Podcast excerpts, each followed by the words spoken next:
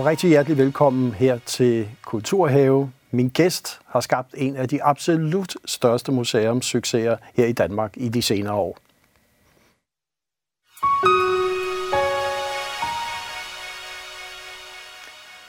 Og rigtig hjertelig velkommen, museumsdirektør Anne-Louise Sommer fra Design Museum Danmark. Og jeg kan jo sige, det gamle Kunstindustrimuseum. Lige præcis. Ja. Og tusind tak. Ja. Og man kan sige, at du overtog posten i 2011. Det gjorde jeg. Og du gjorde det jo, kan jeg også godt huske, der var mange udråbstegn, for du havde jo ikke den baggrund, man normalt skal have. Kunne du ikke lige fortælle lidt om? Jo, normalt så er museumsverdenen jo sådan lidt konservativ, kan man sige, og det er måske ikke så mærkeligt, for museer handler jo blandt andet om at bevare ting, og det har de gjort, i hvert fald traditionelt set. Og jeg kom og havde ingen museumserfaring. Jeg havde til gengæld en tung erfaring inden for uddannelsessektoren fra universitetsverden, og som forsker og underviser og også leder på forskellige niveauer i forhold til designverden. Så det var sådan lidt et, øh, kan man sige, frisk go og turde tage mig ind på et museum. Og øh, hvis vi ligesom skulle sige, det er jo gået meget godt. Altså, der var et besøgstal på omkring 60.000, mm. da du kom. Øh, og det er i hvert fald, skal vi sige, 60 i dag. Det er også mere end det, ikke? Det er ja. jo faktisk mere end femdoblet. Vi har over 300.000 besøgende sidste år. Så og jeg synes ja. måske, at vi lige skulle se et lille klip af, hvordan museet egentlig ser ud for de seere, der ikke har været hos dig. Øh, og det kommer her.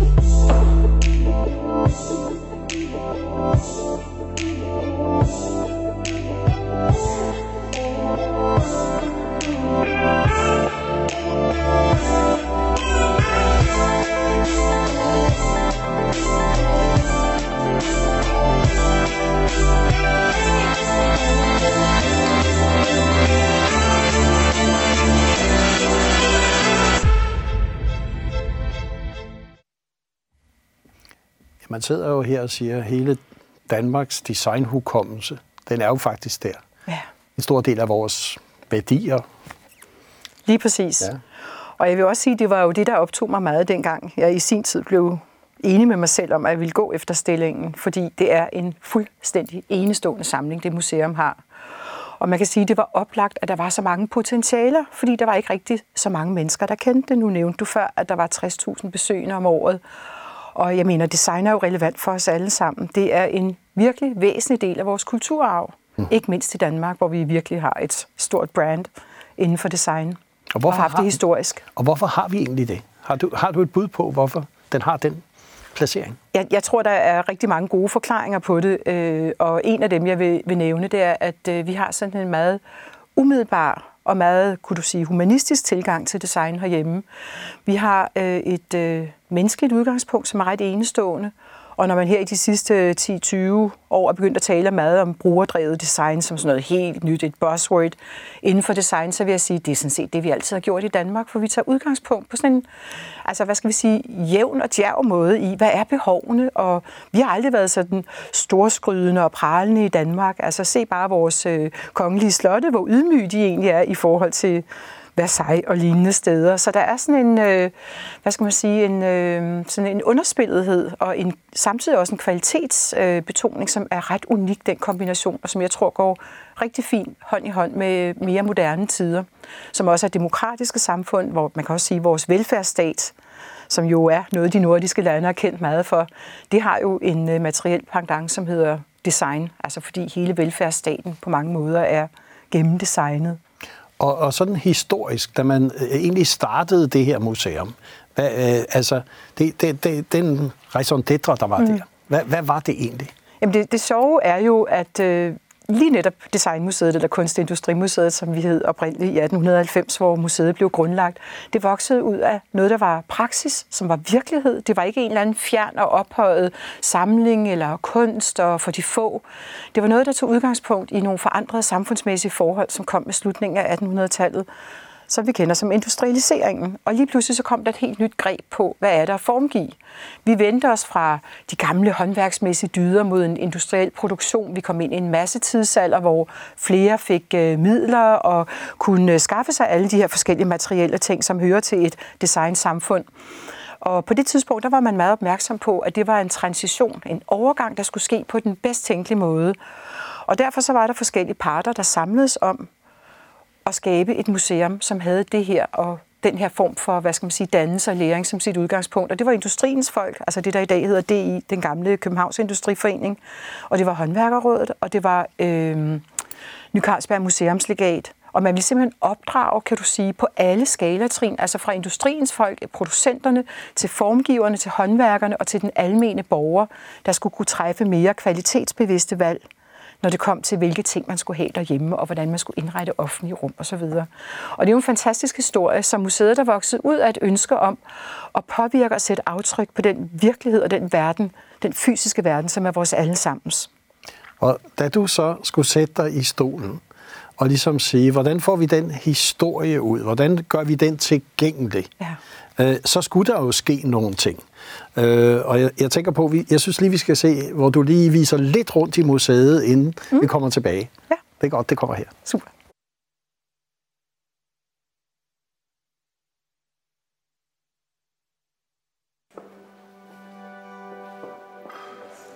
Da jeg startede på museet for de her godt otte år siden, det var nyt for mig.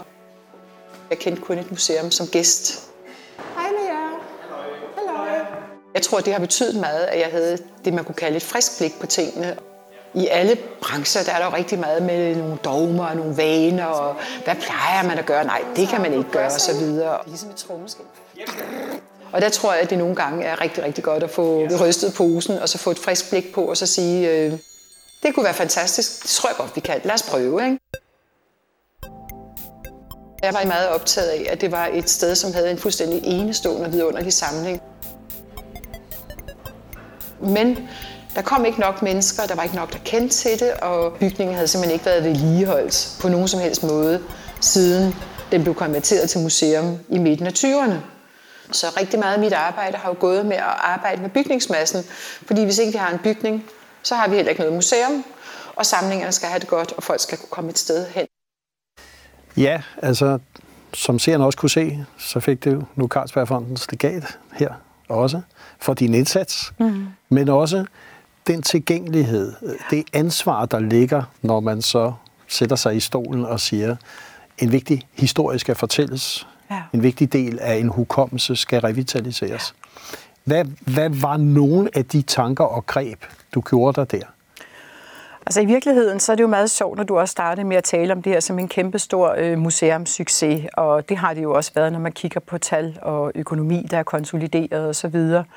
Øh, at den måde, jeg egentlig gik til opgaven på, det var faktisk ved at gå tilbage. Det var simpelthen ved at genbesøge vores raison d'être fra 1890, og så se, hvorfor blev vi sat i verden? Hvad var formålet? Og det står jo beskrevet, og man har jo også kunne se, hvordan museet ligesom har, om jeg så må sige, performet gennem årene i højere eller mindre grad i, i forhold til det. Og nu nævnte jeg jo før, at det handlede meget om det læringsmæssige, ikke? og det uddannelsesmæssige. Og det er jo så det sjove ved det, fordi der var jeg jo så på hjemmebane gennem min fortid. Det kan godt være, altså min professionelle fortid, det kan godt være, at jeg ikke øh, havde den store museumserfaring, men jeg ved noget om læring og uddannelsessystemer, og den værdi, det er at bringe de ting videre og bringe på spil på nye måder, kritiske måder, engagerende måder osv. Så på den måde, så kan man sige, at de to ting, de egentlig mødtes meget fint. Så vi startede med at gå tilbage og kigge på det, og så se, hvad er det egentlig, vi satte i verden for. Og det, der er karakteristisk ved det, det var jo, at det var et museum for alle. Og det, det var blevet til på det tidspunkt, hvor jeg kom til museet, det var et museum for de få. Når vi kiggede på vores besøgssammensætning, øh, så var det jo, øh, som på så mange andre museer, det var ofte veluddannede, lidt ældre kvinder, 60 plus, der var kernegruppen, og det er der jo ikke noget galt med. Jeg tilhører jo snart kategorien selv, ikke? så det er jo helt fint. Men øh, der er jo så meget mere, fordi, som jeg vil sige, design er jo relevant for alle. Så det handler om, hvordan kunne vi åbne det op? Hvordan kunne vi gøre det her fantastiske, øh, vidunderlige hus med den her enestående samling, som egentlig var som en, på mange måder en, øh, en øh, usleben øh, øh, ædelsten. Hvordan kunne vi gøre det tilgængeligt for flere?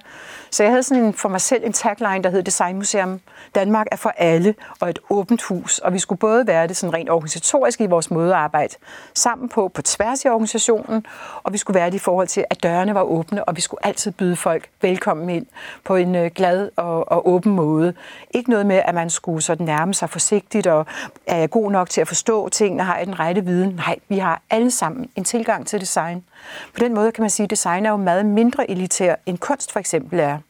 Og det er jo så det lidt paradoxale, fordi vi er faktisk klassificeret som et kunstmuseum. Og så kan man så sige, ja, det er så det, man vil kalde anvendt kunst, ikke? fordi det knytter sig til brug og det levede liv. Men øh, vi er i hvert fald ikke historisk defineret som et kulturhistorisk museum. Men jeg mener, vi ligger sådan der på en eller anden kant og, og, og tipper lidt, fordi, øh, fordi design handler jo om det liv, der bliver levet. Og vi har selvfølgelig vidunderlige ting i samlingen, som er enestående kunstgenstande, som der kun findes en enkelt af, og som alligevel er del af vores samling.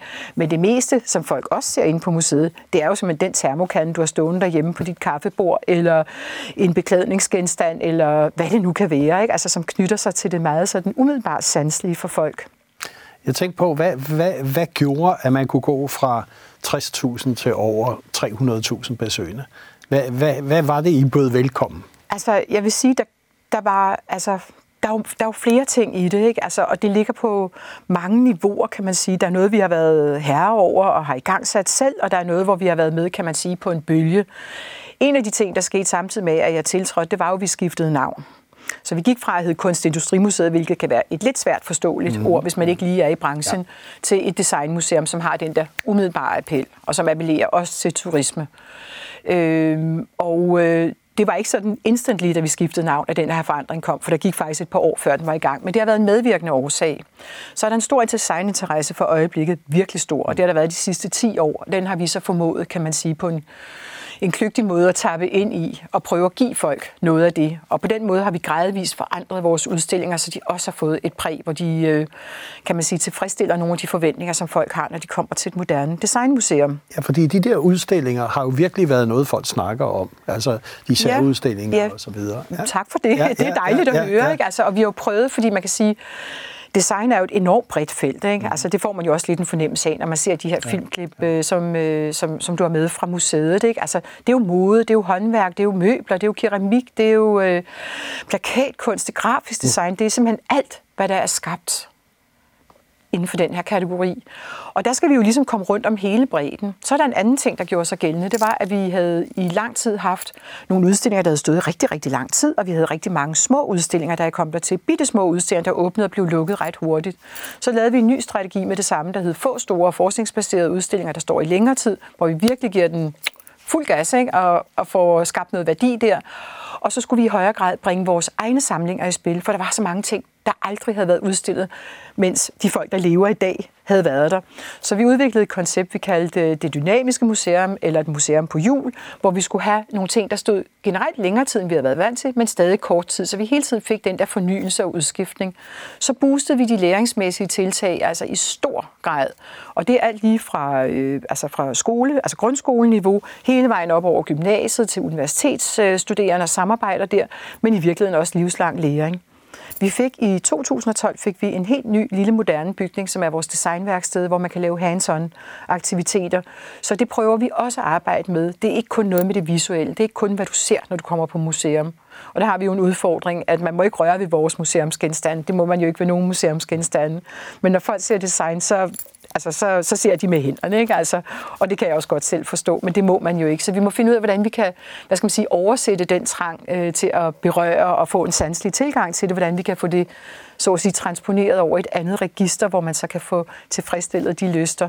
Og det er blandt andet gennem et meget stort arbejde, vi har lavet med at udvikle workshops og ting i det designværksted, og det er ekstremt populært. Og det er super sjovt at se, hvad der sker, når folk i en ellers travl hverdag, hvor de pisker rundt, altså sådan før covid-19-tider, hvad der sker, når de så kommer ind og sidder ved et bord og har nogle gode materialer og får noget guidance til, hvordan man kan lave noget med dem. Altså, energiniveauet er, er, er højt, men roligt, og stille sidder folk og arbejder, og der altså en vidunderlig fordybelse og kontemplation, som vi også gerne vil ligesom trække videre rundt i oplevelsen i museets rum. Så jeg synes, vi har arbejdet på rigtig, rigtig mange fronter med det. Og så har vi, kan man sige, København er også i samme periode blevet en, øh, en meget stor turistattraktion. Det ligger jo så af indlysende grunde helt stille nu. Men det vil sige, at der er mange øh, turister, der er kommet. Vi har et meget højt besøgstal. Så vi arbejdet med at få yngre besøgende ind, fordi det netop skal være det her tværsnit af befolkningen. Det er ikke kun 60 plus, der kommer. Og vi har faktisk lykkedes med, at over halvdelen af vores besøgende de er under 30 år. Det, det er jo rigtig flot. Det er der ikke så mange museer, der kan prale af, men, øh, og det er heller ikke fordi, vi praler, men det konstaterer vi, det tilfældet. Det er super. Og min gæst her i Kulturhave, det er direktør Anne-Louise Sommer, og vi er i gang med at prøve at afkode, hvad der egentlig skete på museet, da du overtog det. Jeg synes også, det læringsaspekt, du bliver ved med at sige, vidensaspektet, forskningsaspektet, der er bragt i spil, der har jo også noget at gøre med jeres satsning også på de helt unge, ja. og få fat på dem. Ja. Og jeg synes måske, vi lige skal se et klip fra jeres designskole. Ja. Det kommer her. Super. Jeg hedder Kirsten, og jeg er projektansvarlig for Designskolen for børn, unge og voksne. Og jeg hedder Anders, og jeg arbejder her på Designskolen som underviser. Designskolen er en skole, som vi har lavet her på Designmuseum Danmark i vores designværksted, som vi sidder i nu. Og Designskolen er en øh, skole, hvor man kan gå til design efter skoletid, altså i sin øh, fritid. Ja, altså undervisningen foregår næsten altid her i uh, vores dejlige designværksted. Og så foregår rigtig meget af vores undervisning også over på Designmuseum Danmark. Vi arbejder altid med at inkorporere øh, museets øh, udstillinger i de øh, forskellige undervisningsforløb, vi laver. Og det vil så sige, at man kan komme til at arbejde med rigtig mange forskellige ting her på Designskolen. Ja, alt fra smykkedesign til møbeldesign til grafisk design og design til offentlige rum osv. Ja, i det her klip, der kunne vi jo se, der må man jo gerne røre. Det må man. Man skal røre. Man skal der er røre. rørepligt. ja, ja. ja.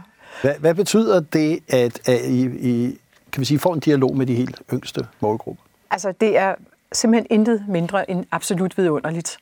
Og man kan sige, at alle børn, de er født fulde af en kreativ skabertrang. Ikke? Altså sådan er børn jo. Ikke? De vil bare gerne i gang, og de er jo stolte, når de kan fremvise et eller andet, de har lavet, og de elsker jo at kunne være en del af sådan en proces, og design handler jo meget om proces, kan man sige. Det kan godt være, at vi, når vi taler om design, så tænker vi, når her sidder vi lige i nogle stole, som øh, er, er designet af Arne Jacobsen, og så øh, kan vi sige noget om det. Ikke? Men altså, der er jo gået en kæmpe lang øh, proces forud for, hvor alle mulige forskellige ting er blevet testet.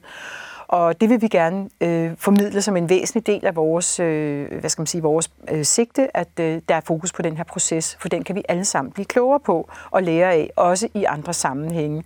Men vi har altså budt de her børn indenfor, og jeg synes simpelthen, det er fabelagtigt, at øh, børn frivilligt vælger efter skole at gå til design, i stedet for at gå til fodbold, eller ballet, eller klaver, eller øh, kampsport, eller whatever man nu har lyst til at gå til. Ikke? Der er der kommet en helt ny ting med det, og de møder op, de går sæson efter sæson efter sæson.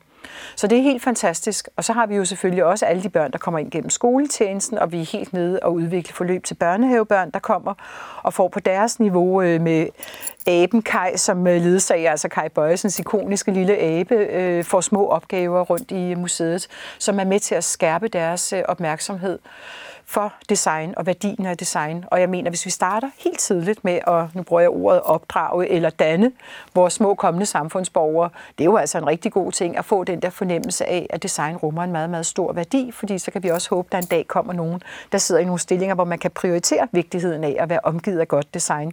For det synes jeg også, når man kigger på Danmark historisk, så er vi lidt tilbage til det, du først spurgte om, hvorfor er dansk design så usædvanligt som det er, det er jo nok, fordi den her demokratiske tradition, vi er rundet af, der kan vi se selv i perioder, hvor riget er fattedes penge, der er der været investeret massivt i godt design.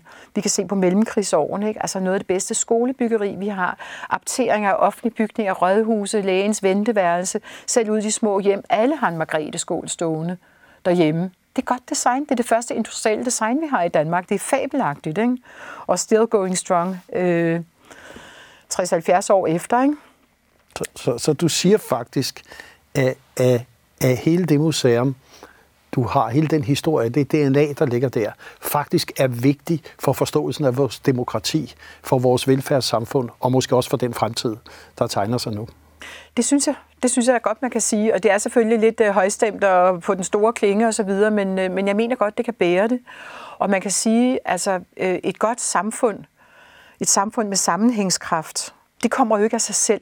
Det er jo en kontinuerlig forhandling på alle niveauer, og det er ikke kun et spørgsmål om en politisk forhandling. Og der synes jeg, design, altså også hvis du for alvor skal forstå, hvad der ligger i design, så må du se genstandene som mere end bare genstande. Du må se dem i en større sammenhæng. Og det er det, jeg har som min lille personlige vision for det museum, at det skal vi blive endnu bedre til. At du ikke bare tænker, okay, der står den på piedestalen, hvor er den smuk, ikke? Se nogle fantastiske former, det fineste håndværk, øh, de udsøgte farvetoner, hvad det nu kan være, men simpelthen forstår, hvad er din respons på i en konkret tid, hvor en tid har haft nogle behov, der har krævet et formgivningsmæssigt udtryk, og igen efterfølgende har spejlet tilbage på den tid og været med til at skabe den virkelighed, som folk har ageret i. Her i den senere tid, så har vi haft udfordringer, det ved vi godt alle sammen, og ikke for at gå ned i dem, men ligesom sige, du som museum har også været nødt til ligesom at sige, vi er nødt til at formidle os på nogle andre måder, vi er nødt til at tage fat på nogle værktøjer, og måske nå nogle grupper, som vi normalt ikke har. Ja. Hvis vi lige ser et lille klip på, hvad det er, I har gjort under den her udfordrende krise. Hej, jeg hedder Anne-Louise, og jeg er direktør herinde på Design Museum Danmark. Og lige nu der er det et meget, meget stille sted, fordi vi er lukket. Vi er næsten ikke nogen herinde, men vi skiftes lidt til at komme ind og holde styr på det dejlige museum og se, om alle vores gode sager har det godt. Og lige nu der er jeg oppe på vores arkiv, hvor vi har de mest vidunderlige ting, der ligger hele vejen rundt i kasser. Og nu vil jeg vise jer en af mine særlige favoritter.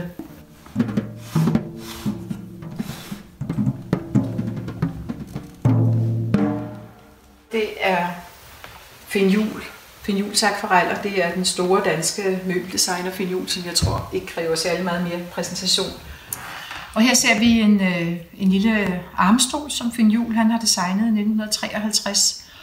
Og øh, når man ser, det, ser på akvarellen, så er der en øh, utrolig stoflighed og sanslighed i akvarellen, som gør, at man næsten føler, at man står over for det tredimensionelle møbel, selvom det jo bare er en tegning i to dimensioner. Øh, prøv at lægge mærke til skyggevirkningerne, lysskyggevirkningerne, den måde, at øh, både træ og, øh, og polstringen i stolen ligesom bliver helt besjælet og bliver levende for vores blik. Ja, det er jo så en anden måde at formidle museum mm. på, digitalt. Ja. Øh, hvordan har det været? Jamen, det har jo været faktisk temmelig sjovt, fordi øh, man kan sige, noget af det, vi har arbejdet meget med i min tid, det er det stik modsatte af den digitale formidling. Fordi da jeg kom til museet, der var der ikke rigtig nogen digitale tiltag, og jeg kunne se, at alle kollegamuseerne, de var i fuld sving, og de digitaliserede samlinger, og de gjorde alt muligt tilgængeligt. Og så tænkte jeg, okay, skal vi være sidst med det første, eller skal vi prøve at gå en anden vej? Og vi valgte så at gå en anden vej. Og den vej, vi valgte at gå, det var at sige, for at få den fulde museumsoplevelse, så skal du faktisk møde op herinde i vores fuldstændig unikke historiske rammer fra midten af 1700-tallet, få den totaloplevelse der, og få den oplevelse af, at når du står og kigger på en genstand, så ser du den i virkeligheden. Og det er måske den eneste af slagsen i verden. Der kan også være, at der bare er nogle få, men du står simpelthen så tæt på det, og du sanser det, altså uden at røre, men du sanser det dog i hele sin, øh, sin fulde kraft. Øh, og det gør du ikke på samme måde som, altså hvis du har det digitale. Og der har jeg bare oplevet så mange gange, også når jeg har rejst rundt i verden og set, hvordan forskellige museer gør det med det digitale, at det, der sker, når folk kommer ind på museerne, det er, at de glemmer hvad det er, det handler om. De står og nørkler rundt med alle mulige devices, som kan hente oplysninger frem, og som kan belyse, hvad der sker om på den anden side af krukken, hvis det er en krukke, der står, og så fremdeles. Og i virkeligheden, så kan alle de ting, de laver i sådan et møde med museet, det kan laves derhjemmefra fra computeren. Så jeg synes, man skulle understøtte det, der handlede om, kom der ind, og så får du en ikke nødvendigvis once in a lifetime, men hvis du er turist fra Asien, så er det måske once in a lifetime. Hvis du bor i hovedstadsområdet, kan du komme lige så tit du vil, og så nyde det.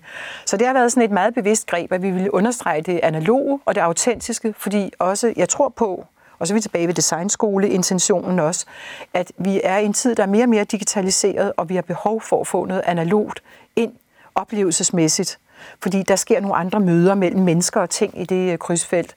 Så bliver vi så grounded, kan man sige, og tvangslukket øh, gennem øh, covid-19-krisen. Og det stiller jo så nogle helt nye, øh, sætter nogle helt nye betingelser for, hvordan man kan drive museum. Og der har vi så valgt at se, hvad kan vi med det her digitale medie? Og det er vi meget optaget af at prøve at udvikle nu, hvor vi gør det, hvor det så har måske, altså kan kompensere for noget af den manglende sanselighed, der ligger. Nu kan man sige, den her du lige viser, ikke? det er min kommunikationschef, der står med sin iPhone, og så er det mig, der fortæller lidt. Ikke? Så det er jo ikke avanceret på nogen som helst måde, men det giver det der glimt ind, og det giver folk en fornemmelse af, hey, du kommer om bag det behind the scenes, ikke? du ser noget, der ikke er normalt at se. Og så ligger der også en øh, oplevelse, som får sådan en lidt unik karakter i det. Så det er sådan et format, vi tænker, man kan, man kan udvikle mere på. Og her til slut, hvad er drømmen for dig og museet i løbet af de næste 3-5 år? De er mange og store, øh, visionerne, både på den bygningsmæssige front, som du jo også tidligere har antydet, har været nødliden. Vi har gjort rigtig meget i min tid for at restaurere de her bygninger, og vi er klar til at tage meget store afgørende træk øh, med den sidste del af det. Men det handler også om at komme helt i mål, kan man sige, med den vision, der er for, hvad er det for et sted, Designmuseum Danmark er som udstillingssted. Og det vi er optaget af for øjeblikket, det er, i stedet for at tænke udstillinger i traditionelt format, så vil vi snarere tænke på et oplevelsesunivers. Og vi er det, der hedder en ABM-institution, det vil sige, at vi har arkiv, og vi har bibliotek og museum. Og det har historisk set, selvom det er fuldstændig integreret hos os, så har det været tre adskilte ting. Nu tænker vi på, hvordan kan vi få det til at mødes endnu mere, så de ting bliver praktisk spil i forhold til de, den enkelte besøgende, der kommer på museet på et tidspunkt. Så du får øh, variationsrigdom og i, i oplevelsen, i formidlingstiltag. Noget vil være øh, fantastisk spektakulære ting, andet vil være sådan helt ydmygt og let tilgængeligt. Noget har karakter af studiesamlinger, og noget øh, vil være læringszoner, der simpelthen er bagt ind undervejs i udstillingsforløbene. Der skal også være et specielt børneunivers, har vi tænkt os. Så vi har rigtig mange gode planer for, hvad der skal ske på museet i fremtiden. Og vi vil i hvert fald glæde os til at følge dit virke på museet, og også, skal vi sige, det nye museum, når det står klart om nogle år, til at tage imod mange, mange tusinder af gæster. Tak fordi du kom her i Kulturhaven. Tusind tak, fordi jeg måtte.